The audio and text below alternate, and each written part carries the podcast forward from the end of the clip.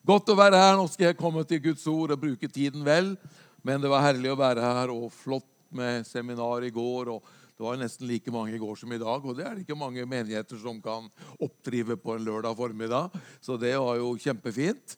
Og så er jeg veldig glad for at eh, Jesus er her, og at det er planlagt noe helt spesielt for denne formiddagen.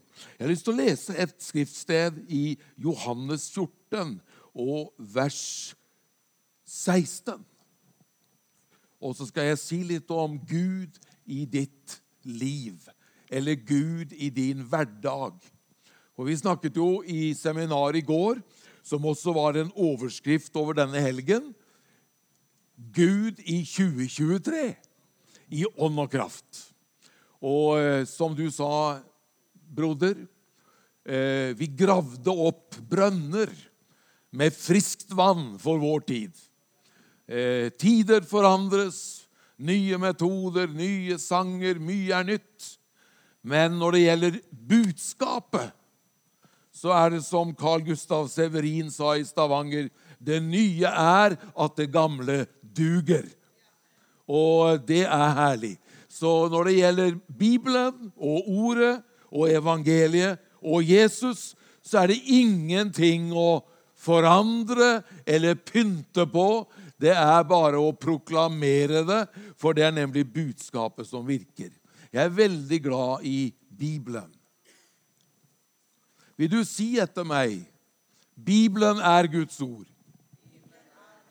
Jeg er hva Guds ord sier at jeg er. Jeg har hva Guds ord sier at jeg har. Jeg kan gjøre hva Guds ord sier jeg kan gjøre. I dag skal jeg motta Guds ord. Mitt hjerte er åpent. Mitt sinn er våkent. Jeg er i ferd med å motta det evige, levende og skapende ord fra Gud. Levende og skapende ord fra Gud. Jeg er i ferd med å bli forandret. Jeg blir aldri mer den samme. I Jesu navn. Amen.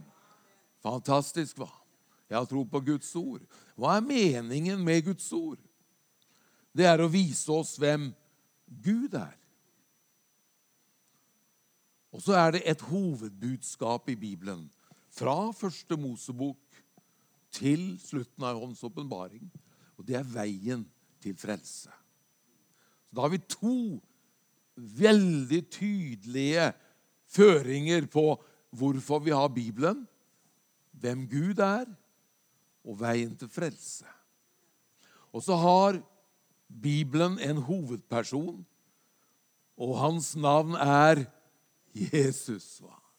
Han fins i alle Bibelens bøker, og leser du Bibelen uten å lete etter han, kan du finne mye rart i løsrevne skriftsteder. Men hvis du forstår at summen av Guds ord er sannhet, og din bibellesing er en jakt etter personen Jesus, så vil du finne det du søker, behøver og leter etter. Og så har Bibelen et hovedbudskap. Jeg sa 'veien til frelse', og det kalles evangeliet. Og jeg har for min del, og der jeg forkynner, så har jeg utropt dette året til et evangeliets år. For jeg tror på en eller annen måte at vi, for å bruke en sånn gammeldags åndelig term fra profetiene, at vi må tilbake til husets inngang. At vi må friske opp igjen der de hele startet. Og det var nemlig med Jesus' evangeliet, for det er tusen ting å preke om. Som pastor så preker vi jo mange ting, og hele Guds råd, sier Paulus. Hele Bibelen forsøker vi å preke etter den nåde vi har, og ulike tjenester og ulike gaver. Uh, ulike sider forkynnes, og sammen utfyller vi hverandre. Men i all forkynnelse og gjennom all forkynnelse, uansett hva vi preker, så må evangeliet få plass. For hvis ikke evangeliet er plattformen og grunnvollen, uansett hva man underviser, så kan vi havne, som Paulus underviser om i Galaterbrevet og i Kolossebrevet, vi kan havne i det loviske. Vi kan havne i det mystiske. Å, alt er så mystisk. Eller vi kan havne i det filosofiske. Og det er ikke feil med i seg selv med noe av det her, for det fins noe mystisk i kristendommen, noe hemmeligheter som Gud kan åpenbare. Vi tror på engler, vi tror på eh, god filosofi, for å si det sånn. Men hvis disse tingene erstatter kjernen i evangeliet, så kommer vi uansett på villspor. Så i, i, mitt liv etter å Jeg sier ikke det her for liksom at det er noe Rose sa, men ved Guds nåde så har jeg prekt vel snart i 50 år. Eh, det vil si, jeg begynte jo som gateevangelist som, som 15-åring, så jeg holdt på med det veldig lenge. Men jeg blir mer og mer opptatt av å på en måte gå tilbake til det enkle evangelium og la det gjennomsyre alt det jeg taler og holder på med. For jeg tror det også er nøkkelen til å bygge sterke, frie, friske, levende, attraktive kirker. For folk der ute trenger de gode nyhetene om Jesus. Det er så mye bad news og fake news, men i denne kirken har vi good news. Amen. Halleluja. Jeg pleier å si det hjemme i Stavanger. Eh, alltid gode nyheter i Karismakirken. Alltid gode nyheter i Senterkirken. Det betyr ikke at ikke vi ikke preker alvorlige sider også, fordi at Guds ord spenner hele livet. Det er glede og det er sorg, det er medgang og det er motgang. Det kan være nedover, men så går det oppover. Og så sier Bibelen når det går nedover, da skal vi si oppover. Ikke for å fornekte virkeligheten, vi er ærlige på livet, men vi har dette i oss vet du, som gjør at Paulus sa som nedslått, men ikke utslått. Som sorgfull, men alltid glad nedefortelling, men oppreist på innsiden. For det bor en i deg og meg som har stått opp igjen ifra de døde. Og han lever, og han er i går og i dag den samme. Ja, til evig tid. Kan du si et amen? Det vet jeg du kan.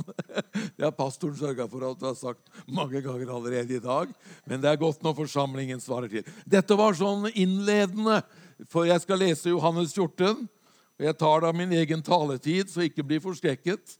Du skal få middag i dag òg. Men det står i Johannes 14, for jeg skal si litt om Gud i ditt liv. Og vi er på vei inn i det. Men jeg hadde bare lyst til å starte med å proklamere Jesus og evangeliet. Jesus og evangeliet. Og Jeg sier det til så mange mennesker som ikke bekjenner seg som kristne, som jeg treffer og kommer i samtale med.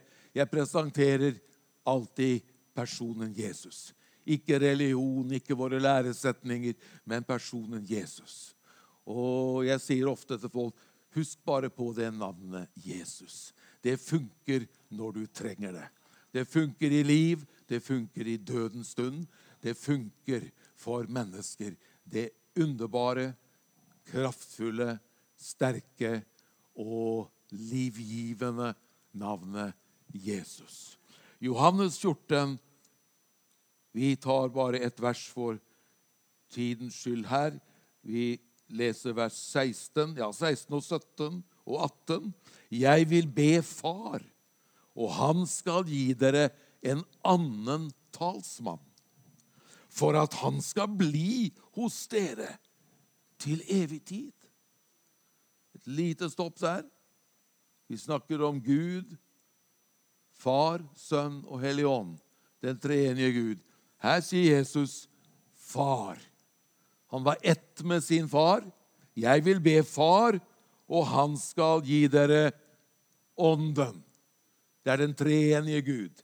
Far, Sønn, Hellig Ånd. Og han skal hoppe ut og inn av dere ettersom dere føler det. Nei. Hver gang du synder, så stikker han av. Nei. Nei. Det var en som sa det til meg i, helt tilbake til den tiden det var Fornebu flyplass. Husker noen så langt tilbake? Er det noen her som er over 100 år? Ja. ja. Det var en tre-fire stykker her, ja. Svein Olav, du er ikke så gammel. Nei, slapp av. Ja. Men jeg kjørte jo altfor fort da i ungdommen. Har jo slutta med det selvfølgelig og blitt en snill gutt og blitt helliggjort etter hvert. Men eh, denne pastoren som jeg skulle kjøre til Fornebu. Han sa til meg, 'Arnfinn, når du kjører i over 80, da hopper Jesus ut', sa han. Ja. Og han var skikkelig eh, arg på meg. Ja. Jeg ble litt sånn perpleks, for det var en eldre bror. Jeg var ungdom, og liksom jeg tenkte han var en autoritet. va? Men jeg eh, var veldig glad når liksom Jesus talte til meg og sa Arnfinn, jeg har lovt å være med deg alle dager. Uansett hvor fort du kjører. Du kan få bot. Du kan få en farlig fartsbot. Men jeg er med deg alle dager. Jeg hopper ikke ut og inn. Og jeg er veldig glad for at han kom for å ta bolig i oss for alltid. Så hvis ikke vi vender ryggen til han og går fra han, så vil han bo hos oss. Han er ikke hybelboer. Det er ikke timeshare, sånn som i Spania. Du kan liksom ha én måned i året, du kjøper deg en leilighet som du bruker én gang i året. Det er ikke timeshare, det er ikke hybel. Han har tatt bolig i deg og meg, Den hellige ånd. Og Derfor er både far og sønn og ånd til stede i ditt liv. Dette gir deg grunnlag å leve på. Dette gir menigheten basis å vokse på, nemlig at Den hellige ånd bor iblant oss. Takk Gud for det. Og så kommer vers 17. Sannhetens ånd så verden ikke kan få. Det vil si, de kan få den når de venner seg til Jesus. Eh, siden den verken ser ham eller kjenner ham. Men dere kjenner ham dere kjenner ham. For han blir hos dere og skal være i dere. Bare ta det inn. Han blir hos meg, og han skal være i meg. Du har noe i deg som heter Den hellige ånd. Du som har tatt imot Jesus. Du har noe i deg. Det, det, det, er fantastisk å bli fylt på nytt og bli oppfylt. og Det står de ble atter fylt av Den hellige ånd. Jeg tror på det. Men basisen i mitt liv og for, for, kirken, for menigheten, det er jo at han har tatt bolig iblant oss. Og Det handler ikke om hvor mye vi føler, det handler ikke om hvor sterke møter det er. Vi vil gjerne ha kraftige møter, vil vi ikke det? Absolutt kjenne Guds nærvær. Men, men, det ligger dypere enn det. Det ligger i en indre visshet om at gjennom glede og sorg, gjennom motgang og medgang, gjennom ups and downs, gjennom sykdom og helse, gjennom livets besværligheter Det fins en hjelper, og han bor i deg. Han er hjelperen, sier Jesus og han bor i deg. Og jeg ønsker bare, Det er så enkelt så enkelt at eh, et barn forstår det kanskje, men, men jeg vil likevel si det til gode, gamle troende. Glem ikke at du har en som bor på innsiden av deg. 24-7. Han er alltid der, og han er disponibel, han er tilgjengelig, han er villig. Han ønsker å hjelpe deg. Takk Gud for det. Jeg skal ikke la dere bli igjen som foreldreløse. Vers 18. Jeg kommer til dere. Vet du hva? Det Guds ord er mektig.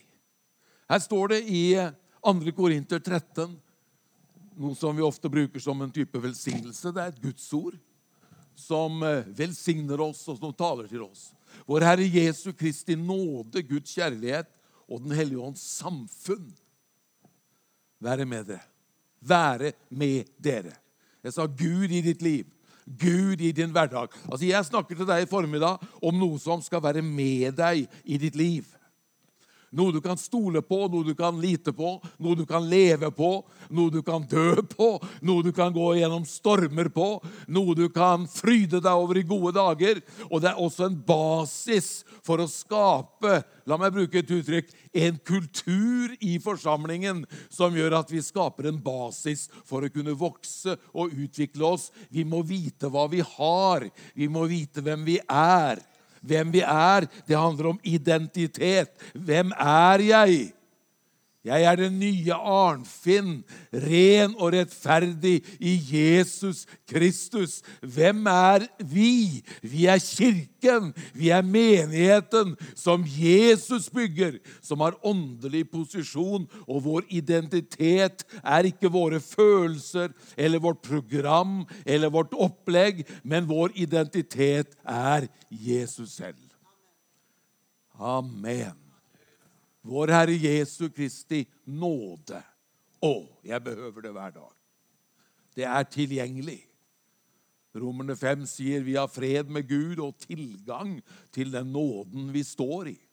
Adgang til den nåden vi står i. Jeg behøver nåde hver dag. Guds kjærlighet. Du er elsket av Gud. Du er elsket av Gud. Ja, men jeg gjorde feil i går. Du er elsket av Gud. Du skulle bare kjent min fortid, Arnfinn. Du er elsket av Gud. Dine synder fins ikke, de er borte, for de er tatt på korset. Han har tatt de bort. Takk Gud for det. Og, og dine feiltrinn, de kan du ikke gjøre om igjen. Men du kan ta imot Guds kjærlighet og nåde, og så kan du la ting gå. Fordi Den hellige ånd kan hjelpe deg til å bli ferdig med ting i din fortid som plager. Og såre og vonde ting kan du huske uten at det lenger sårer. Fordi Den hellige ånds kjærlighet leger ditt indre. Han er med deg, skjønner du. Halleluja. Hellige ånds samfunn, fellesskapet med Den hellige ånd. Skal litt, vi skal bore litt dypere enn vi gjorde i går. Er det ok? Eh, vi var inne på dette i går. jeg er klar over det. Vi snakket om den kraftfulle balansen. Men vi skal bore litt dypere. Nå så ikke jeg på klokka når jeg begynte, og det er både et problem og en velsignelse. Det er et problem for forsamlingen og en velsignelse for predikanten når vi glemmer å se på klokka når vi starter. Men jeg skal holde meg innenfor visse rammer her.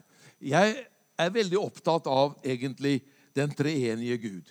Ikke bare som en teologi, for det er klart, det er en del av vår grunnleggende teologi.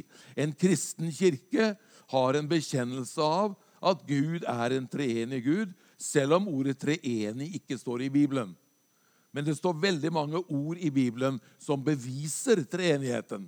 Vi leste et av dem. Jeg og min far. Jeg skal sende en hellig ånd. Far og jeg er ett, sa Jesus. Ånden og jeg er ett. Treenigheten og det priser vi Gud for. Når vi døper, så står det 'i Faderen, Sønnens og Den hellige ånds navn'. Va? Takk Gud for det. Og så er hele frelsesverket inkorporert i Jesu navn. Og jeg viser deg denne bare for å anskueliggjøre litt undervisning, og så skal jeg gå på og forkynne og proklamere noe veldig positivt der fortsatt. Jeg ser at dere er med, så det går bra, det her. Og her har vi Far, Sønn og Hellig Ånd. Og som jeg sa i går, så er det en hel del kristne som opererer med Gud, Jesus og Den hellige ånd. Men det er på en måte feil, fordi at alle tre er Gud. Er du med? Alle tre er Gud. Derfor er det Gud Far, Guds Sønn og Gud Den hellige ånd.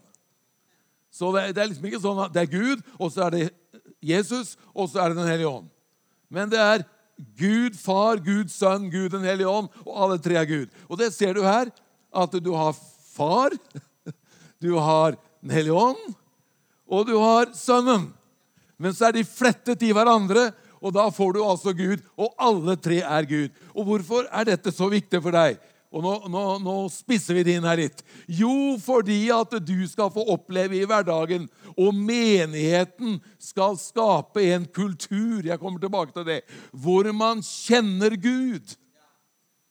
Far, Sønn og Hellig Ånd. Og Derfor sa Jesus at ved Den hellige ånd skal vi lære Gud å kjenne. Og I Johannes 17, 3 sier han dette er det evige liv, at vi kjenner Gud. Va? At vi kjenner Gud. Så vi må lære Gud å kjenne. Ikke bare som en doktrine. Jo, vi tror på treenigheten. Det er veldig sterkt, for jeg tror at kristne doktriner eller lærer, bibelske lærer, det er viktig å ha fundamentert i en kristen forsamling. At folk ikke liksom, ja, vi er kristne og vi tror på Gud, og sånn, men at man virkelig, virkelig skaper basis i forsamlingen av hva vil det si eksempel, at vi har en treenig Gud. En Gud som er tre i én. En Gud som er enig med seg selv. Og som er midt iblant oss. Her og nå. Gud i 2023. Her og nå er vår Gud. Og han er far, han er sønn, og han er Hellig ånd. Og jeg vil repetere litt fra i går for deg som var her, og for deg som ikke var her. Nemlig at Gud er vår himmelske far. Og du trenger å forstå ved Den hellige ånds åpenbaring at Gud er faren din.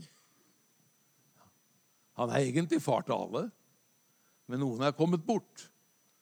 Men det står jo han er far til alt som kalles barn. I himmel og på jord. Så, så Guds farshjerte og Guds fars person er veldig viktig. Men så er Jesus han er vår frelser. Og så er han vår bror. Det er veldig interessant, for det står jo at han er den førstefødte blant mange søsken. For når han sto opp fra de døde, da så Gud ned på Jesus, og de er ett. Men han så ned på Jesus' oppstandelsesmorgen, og så sa Gud til Den hellige ånd, vi har fått en sønn.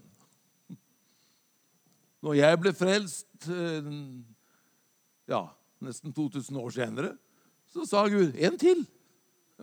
En sønn til. Men jeg er ikke Gud. Jeg er bare et menneske. Men jeg er en lillebror til Jesus. Han begynner å bli veldig barnslig i dag. han finnes, jo. Det her er vi helt nede på treårsstadiet. Ja, Jon Gisho sa det, han som bygde verdens største menighet. Hver eneste preken holder jeg slik at seksåringen kan forstå det, sa han. For da går det inn hos de voksne. Det er ikke fordi du ikke er intelligent, men det er fordi at det enkle er ofte det beste. skjønner du. At vi får tak i de enkle sannhetene, for de kan revolusjonere våre liv. Priset være Herren. Og vi er jo her denne helgen for at ikke vi skal være helt de samme etterpå. Prise Gud. Og sånn skal det gå fra søndag til søndag. fordi at det er ikke sånn at jeg tror fordi jeg er her i to dager, så skjer det så veldig mye. Jeg tror at jeg får være en liten sånn bit av en lenke og være med å bygge noe.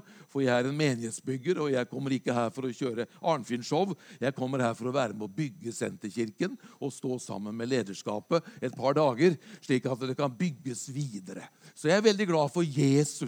Han er min frelser, men han er også min bror. Eller min broder, som høres så åndelig ut når vi sier. Og så er Den hellige ånd. Han er vår hjelper, og han er vår venn. Og eh, eh Benny Hinn skrev en bok, 'Good Morning, Holy Spirit'. God morgen, Hellige Ånd.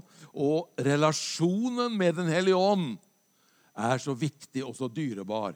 At du kan våkne om morgenen og si 'God morgen, Hellige Ånd', og gjennom Den hellige ånd har du samfunn med Jesus og med Far.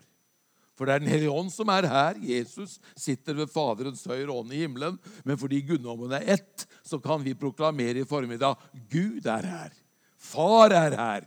Jesus er her. Den hellige ånd er her. Vi behøver ikke å rope selv om jeg roper litt når jeg preker, for å få han ned. Vi behøver ikke å gå ned i dypet for å hente han opp. Mange jobber så for liksom å komme inn i Guds nærvær. Vi må komme inn i Guds nærvær. Guds nærvær er. Og når vi åpner oss for det, som vi gjorde i lovsangen her for noen minutter siden, ja, så kjenner vi jo også at Guds nærvær er der. Og noen ganger så manifesterer det seg kjempesterkt og voldsomt, eller som en stille bris. Det er forskjellig, men jeg er så glad for at han alltid er han her. Alltid er han her. Og Derfor har jeg opplevd i møter som jeg syns var helt mislykket. og Jeg fikk ikke prekena til, og jeg går hjem og er skuffa. Og så møter jeg folk som sier du, sist søndag mens du prekte, jeg kjente Herren rørte ved meg. tenkte jeg, Å Gud, så godt at du er større enn følelsene til Arnfinn. Er ikke det herlig? Han er større enn hva du og jeg føler. Han er Gud, og han er mektig. Takk, Jesus, for det. Og jeg skal bare dra litt i disse tre punktene her. Ta litt vann. Det skjer noe når predikanten drikker vann. skjønner du. Han blir ikke så tørr i munnen. Da blir det ikke så tørr preken heller. Ok? En god far. Han er en god far. Og jeg tror det her er så viktig. For at selv i kristen sammenheng og i menigheter så er det mange som har et bilde av liksom knyttneveguden. Jo da, han er ren, han er hellig, han hater synd. Jeg har ikke glemt noe av det som Bibelen sier, for vi ser helheten. Men i sitt forhold til menneskene så er det én side ved Gud som er fremtredende. Og det er at han er en god far. Han er en god far. Og Jeg kjente jeg skulle trykke litt på det til noen her i formiddag. Og så har jeg et oppmuntrende ord. Fordi at det står nemlig i Lukas 15 om en sønn som var bortkommen. Eller fortapt. Han sa selv 'jeg var fortapt', men, nå. men, men vi kan si det sånn uten å gjøre vold på Guds ord, at han var egentlig ikke fortapt. For han levde jo blant grisene. Men han var bortkommen. Og det er veldig interessant. Fordi at når han kommer til seg selv, så sier han 'Jeg vil gå hjem til min far'. Ja. Ikke det flott? Hva er det far gjør? Han står på balkongen hver dag og speider etter sin sønn. Å, far, om jeg bare får være en av dine tjenere Gutten min, du er jo sønnen min. På med rettferdighetens kappe. La, få på ham frihetens sko. Få på ham ringen, som er den åndelige rettferdigheten og autoriteten. Signetringen. På med de nye klærne i samme øyeblikk som han vender hjem. Og det profetiske ordet er at akkurat nå, as we speak, mens vi snakker, er det så mange bortkomne sønner og døtre som er på vei hjem til Gud. Og noen av de kommer til å fylle disse stolene som er tomme her i Senterkirken. Fordi det er noen av dere som har bortkomne sønner og døtre som ikke er så langt fra Gud som du tror men som er nye, nærmere Jesus enn du har noen anelse om. Vet du hva? Gud har gitt meg nåde de siste årene til å komme innpå en del folk på en annen måte, som ikke du kommer innpå fra talerstolen. Noen inn eh, Ja, jeg skal ikke si hvor og hvordan osv. Men vi har merket hvordan mennesker Det er sådd et ord i hjemmet. Det er sådd et ord i søndagsskolen. Det er sådd noe i livet og mens vi kanskje er opptatt av at ja, disse er ufrelste, så er de nærmere Gud enn du aner. Og jeg har møtt frafalne mennesker som menigheten stempler som frafalne, men som ikke er frafalne. Er du med? Fordi at selv om de av ulike årsaker har fjerna seg fra aktivt menighetsliv og gudstjenesteliv, så har de ikke fornekta Jesus eller fornekta troen. Men de, flere har sagt til meg ja, jeg ber fortsatt. Noen har sagt 'Jeg taler i tunger enda'. Men jeg klarer bare ikke å gå på møte, for jeg ble så skuffa og såra. ikke sant? Og Da kjenner jeg det, da er det godt å ha Guds farshjerte og kunne omfavne de menneskene og, og, og, og si ja, men kjære venner, kjære venner Du har jo Jesus i livet ditt. Og så skal vi ta de tilbake og ta imot de selvfølgelig. Men jeg, spesielt så kjente jeg i dag tidlig et ord til noen her som har barn eller barnebarn som på en måte du tenker de er borte fra Gud. Og så tror jeg Gud tenker at eh, de er på vei hjem. Er du med på det? Halleluja? Ja, du skjønner, Gud han har et farshjerte for mennesker. Så en del av den vekkelsen som du proklamerte her, pastor Alvaro, en del av den vekkelsen det er jo alle de i vårt land som har fått sådd Guds ord inn. Og så er det jo så viktig å fortsette å så Guds ord inn i nye generasjoner. Og det er kanskje ikke det grunnlaget for evangeliet og Guds ord i de nye generasjonene som var i tidligere generasjoner. Og det, det må vi gjøre noe med, for å si det sånn. Og det at folk er uvitende og ikke vet, er ikke et hinder for vekkelse. For i mange land rundt i verden har evangeliet kommet til de mørkeste plasser. For der evangeliet kommer, blir det alltid lys. Og verden er full av mennesker som kanskje ikke forstår synsbegrepet og opplever at de har synda innenfor Gud osv., for de har ikke hørt forkynnelse. Men de har skam, og de har skyld, og de kjenner på ting. Og de trenger rett og slett å få høre evangeliet om at det var en som tok din skyld og din gjeld og din skam. Det var en som naglet ditt skyldbrev, gjeldsbrev og skambrev til det midterste korset på Golgata, og han tok det bort da han døde i ditt sted. Så jeg proklamerer, jeg har lyst til å si profeterer, om en vekkelse hvor barna vender hjem til far og til fars hus. Og da skal ikke vi være sånne, sånne hjemmeværende sønner som griner og gnåler over hvor dårlig liv de har hatt, og alt det de har sløst bort. Nei, vi skal gå inn og bli med på festen. Vi skal kjenne at det rykker i dansefoten. Amen. Og så skal vi være med og prise Herren, for det fins nemlig så mange som kommer hjem til far. Og jeg har to grunner til å si det her. Det ene er å oppmuntre deg, min elskede venn, som har noen der ute som du venter på skal komme hjem. Du skjønner da at eh, din sønn og datter eller ditt barnebarn eller din eh, søster eller bror eller far eller mor Kan til og med være ditt bønnebarn, for å si det sånn. Eller onkel eller tante eller hva det er. Eller søskenbarn. Jeg sier til deg i Jesu navn, de er på vei hjem til fars hus. For jeg tror mange av de vil komme til seg selv. Fordi du ber for dem, så vil de komme til seg selv, og så vil de tenke Hva i all verden gjør jeg her? Jeg vil gå hjem til min far. Og der står far med kappe og med sko og med ring, og han er klar til å ta imot. Og så er det én grunn til at jeg preker der i formiddag. Det er at vi må skape en kultur i menigheten av fars hjerte for mennesker. Vet du hva?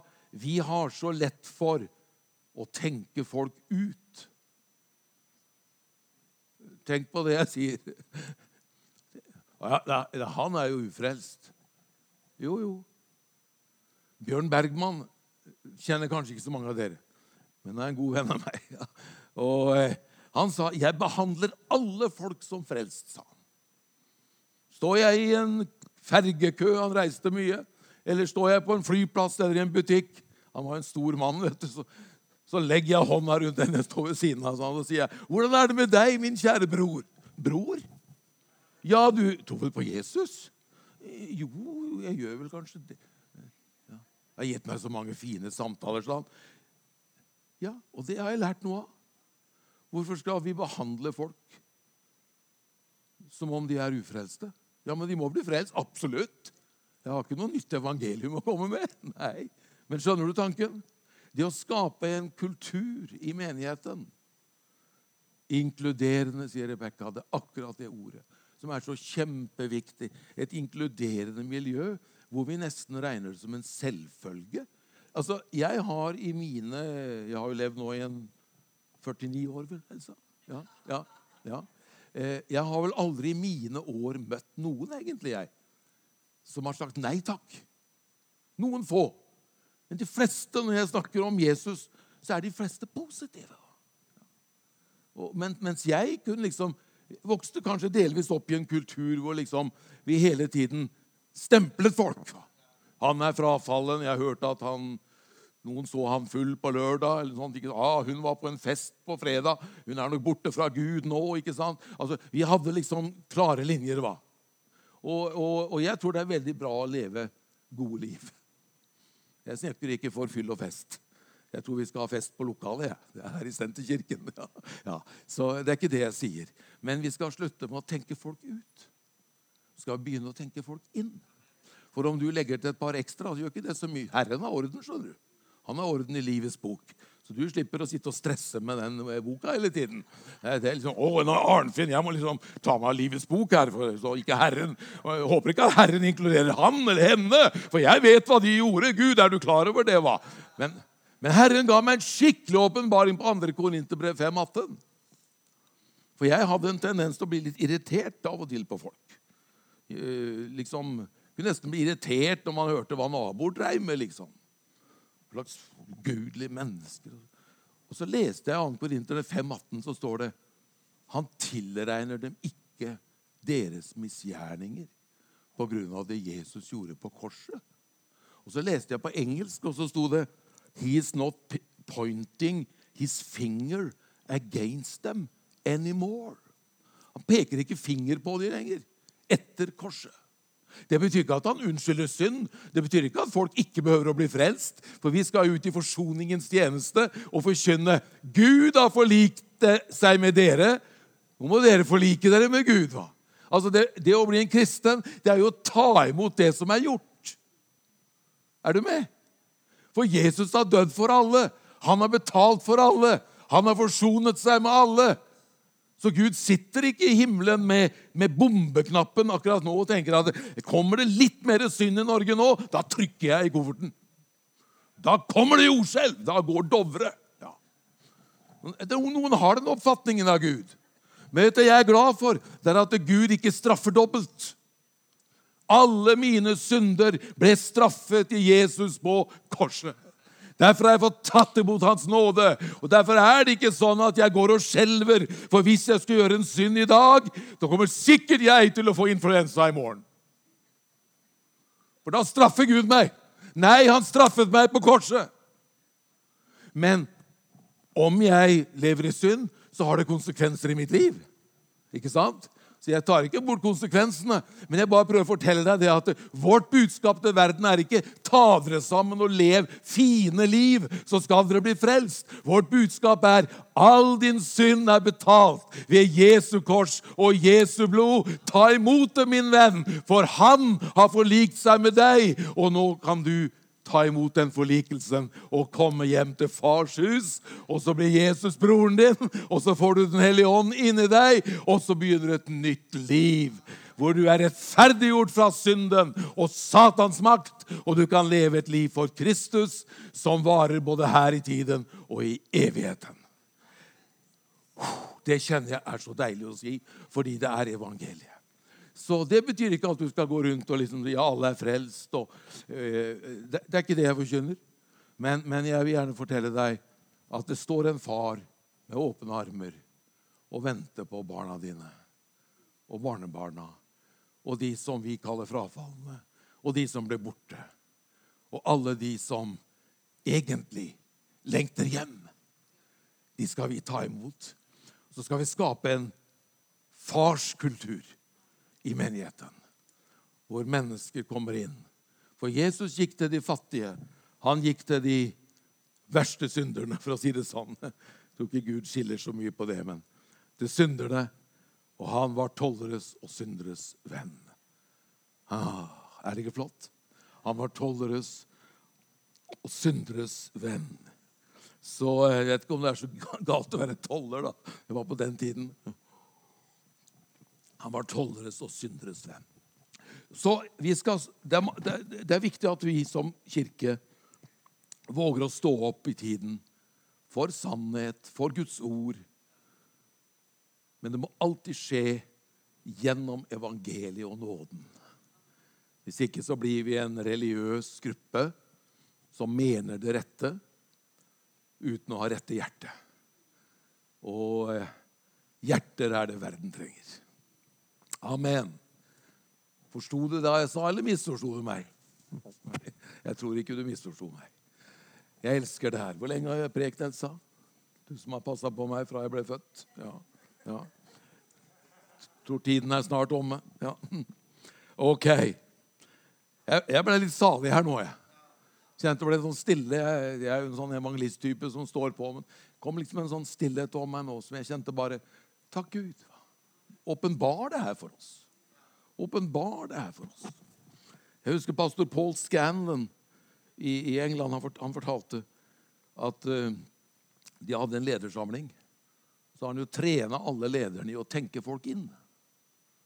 Fordi de vokste jo fra 300 til 2000 medlemmer på, på eh, kort tid ved at de helt, holdt på å si Den hellige ånd endra hele kulturen i menigheten. Og Dette var en stor by, så de begynte å busse inn uteliggere og prostituerte og narkomane og tok tak i liksom, håper å Begynte på, i det dypeste, for å si det sånn. Alle er like mye verd, men det førte til en fantastisk vekkelse. Så hadde vi en ledersamling, det var 30-40 stykker, ute på et landsted som en i menigheten eide. Og så ble det jo en del trafikk, sånn at de hadde en parkeringsvakt. Og den parkeringsvakten han vinka jo folk inn da på parkeringsplassen.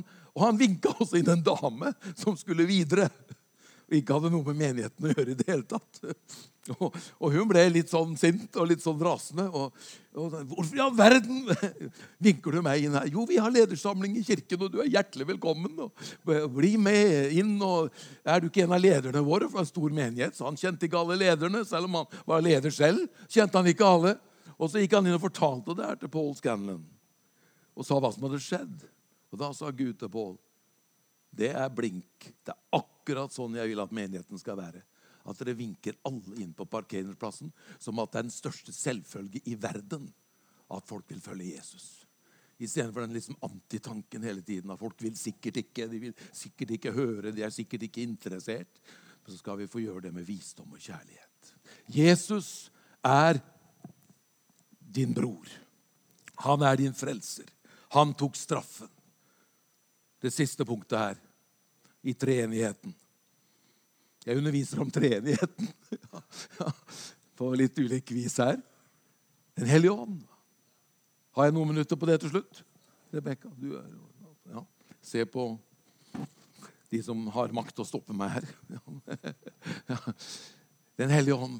Hva var det vi begynte med? Vi begynte med at Den hellige ånd skulle komme og ta bolig i oss. Og vet du hva? Jeg har så tro på dette med å slippe Den hellige ånd løs i forsamlingen. Jeg tror at det Den hellige ånd gjør, det kommer til å fenge mennesker og dra mennesker til Jesus. Jeg er ikke redd om det skulle skje noen ytringer som er litt uvanlige. Hvis det er ekte og naturlig og, og gjort i Herren og ikke noe sprø og rare ting som vi finner på. Jeg tror vi skal våge å slippe det løs på en herlig måte. Men jeg har opplevd, jeg har jo vokst, vokst opp som pinsevenn.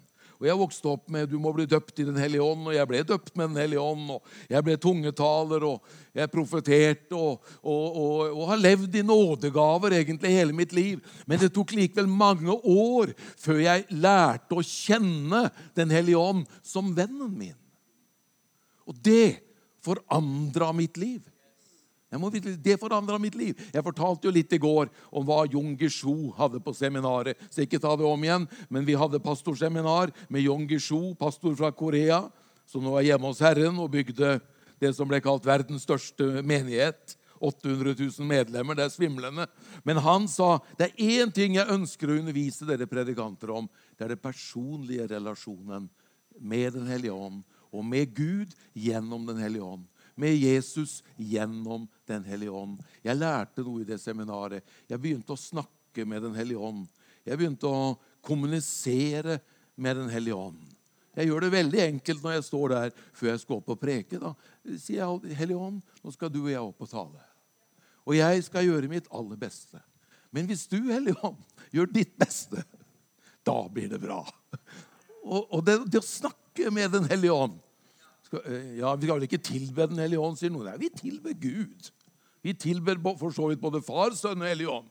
Men jeg elsker lovsanger som fokuserer på Jesus og fokuserer på korset og fokuserer på hva Jesus har gjort. Opphøyer Gud, opphøyer Jesus. Så jeg kommer ikke med noen ny merkelig lære om at vi skal bytte ut liksom Gud og Jesus med Den hellige ånd. Tvert om. Men fellesskapet med Den hellige ånd har lært meg så mye å kjenne Gud. hva?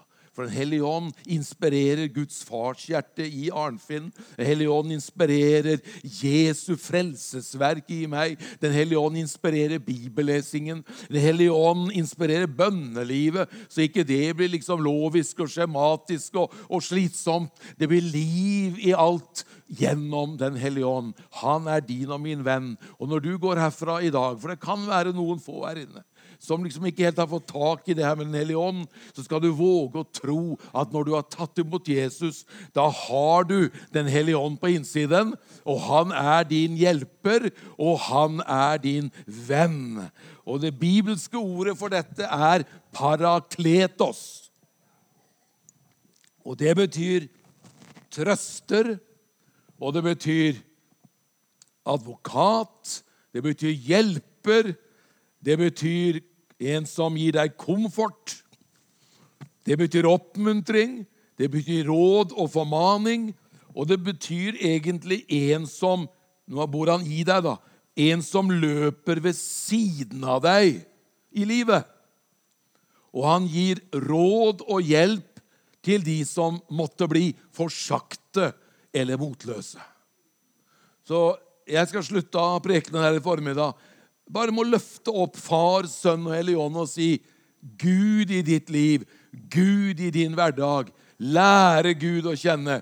Ikke la kristen tro bli en religion hvor bare du har noen prinsipper og statutter. og ja, nå er jeg i menigheten, og jeg er døpt og jeg er tillagt kanskje, og jeg har jeg har blitt fylt med Den hellige ånd for ti år siden. Du skjønner, Det her det er levende hver eneste dag. Vi føler det ikke likt, men det er det samme fra Guds side.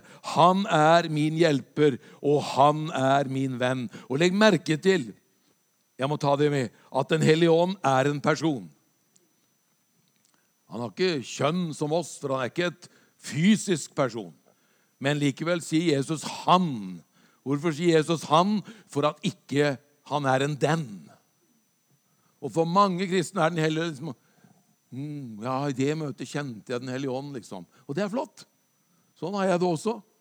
På den konferansen var Den hellige ånd så sterk. Ja, amen, vi trenger det. Vi hadde det sånn i går. Vi har det sånn nå. Men det som er sterkt, virkelig sterkt for meg, det er jo at han bor her. Det er jo det som er virkelig det kraftfulle med Den hellige ånd. At han er en virkelig person. Han er ikke bare en, han er en vind, han er en ild, han er en kilde. Altså Det er ulike sider ved Den hellige ånd. Men dypest sett og først og fremst så er han en person.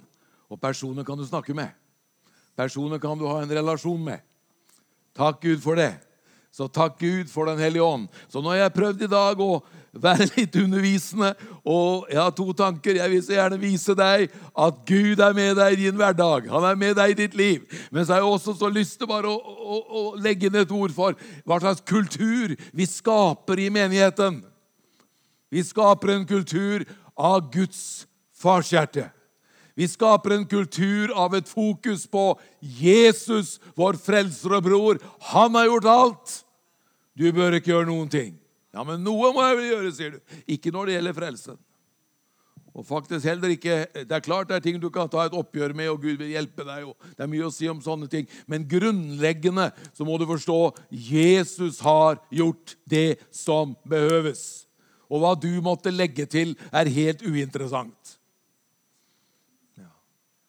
Jeg satt med en av Stavangerbyens kjendiser i bilen. Jeg kjørte han hjem etter et arrangement som vi hadde sammen. Og Så sier han til meg når jeg en gang skal dø, så tror jeg det går bra, Arnfinn, sa. Ja vel, hvorfor det? Ja, for jeg har tenkt ut sa han, at jeg har gjort mer godt enn vondt. Så jeg tror det tipper rett vei. Og jeg tror Sankt Peter er velvillig, sa han. Han mente det. Så sa jeg mye bedre løsning. Som får deg til å tippe rett vei. Og det er at ikke du bør gjøre noen ting. Og vi fikk en veldig fin samtale om veien til frelse. Det er så mange der ute som tror de må gjøre noen ting. Og det holder de borte. skjønner du. Men Jesus, han har gjort alt. Den hellige ånd er her. Nå skal vi oppleve at Den hellige ånd rører ved mennesker akkurat nå. Vi skal stå opp.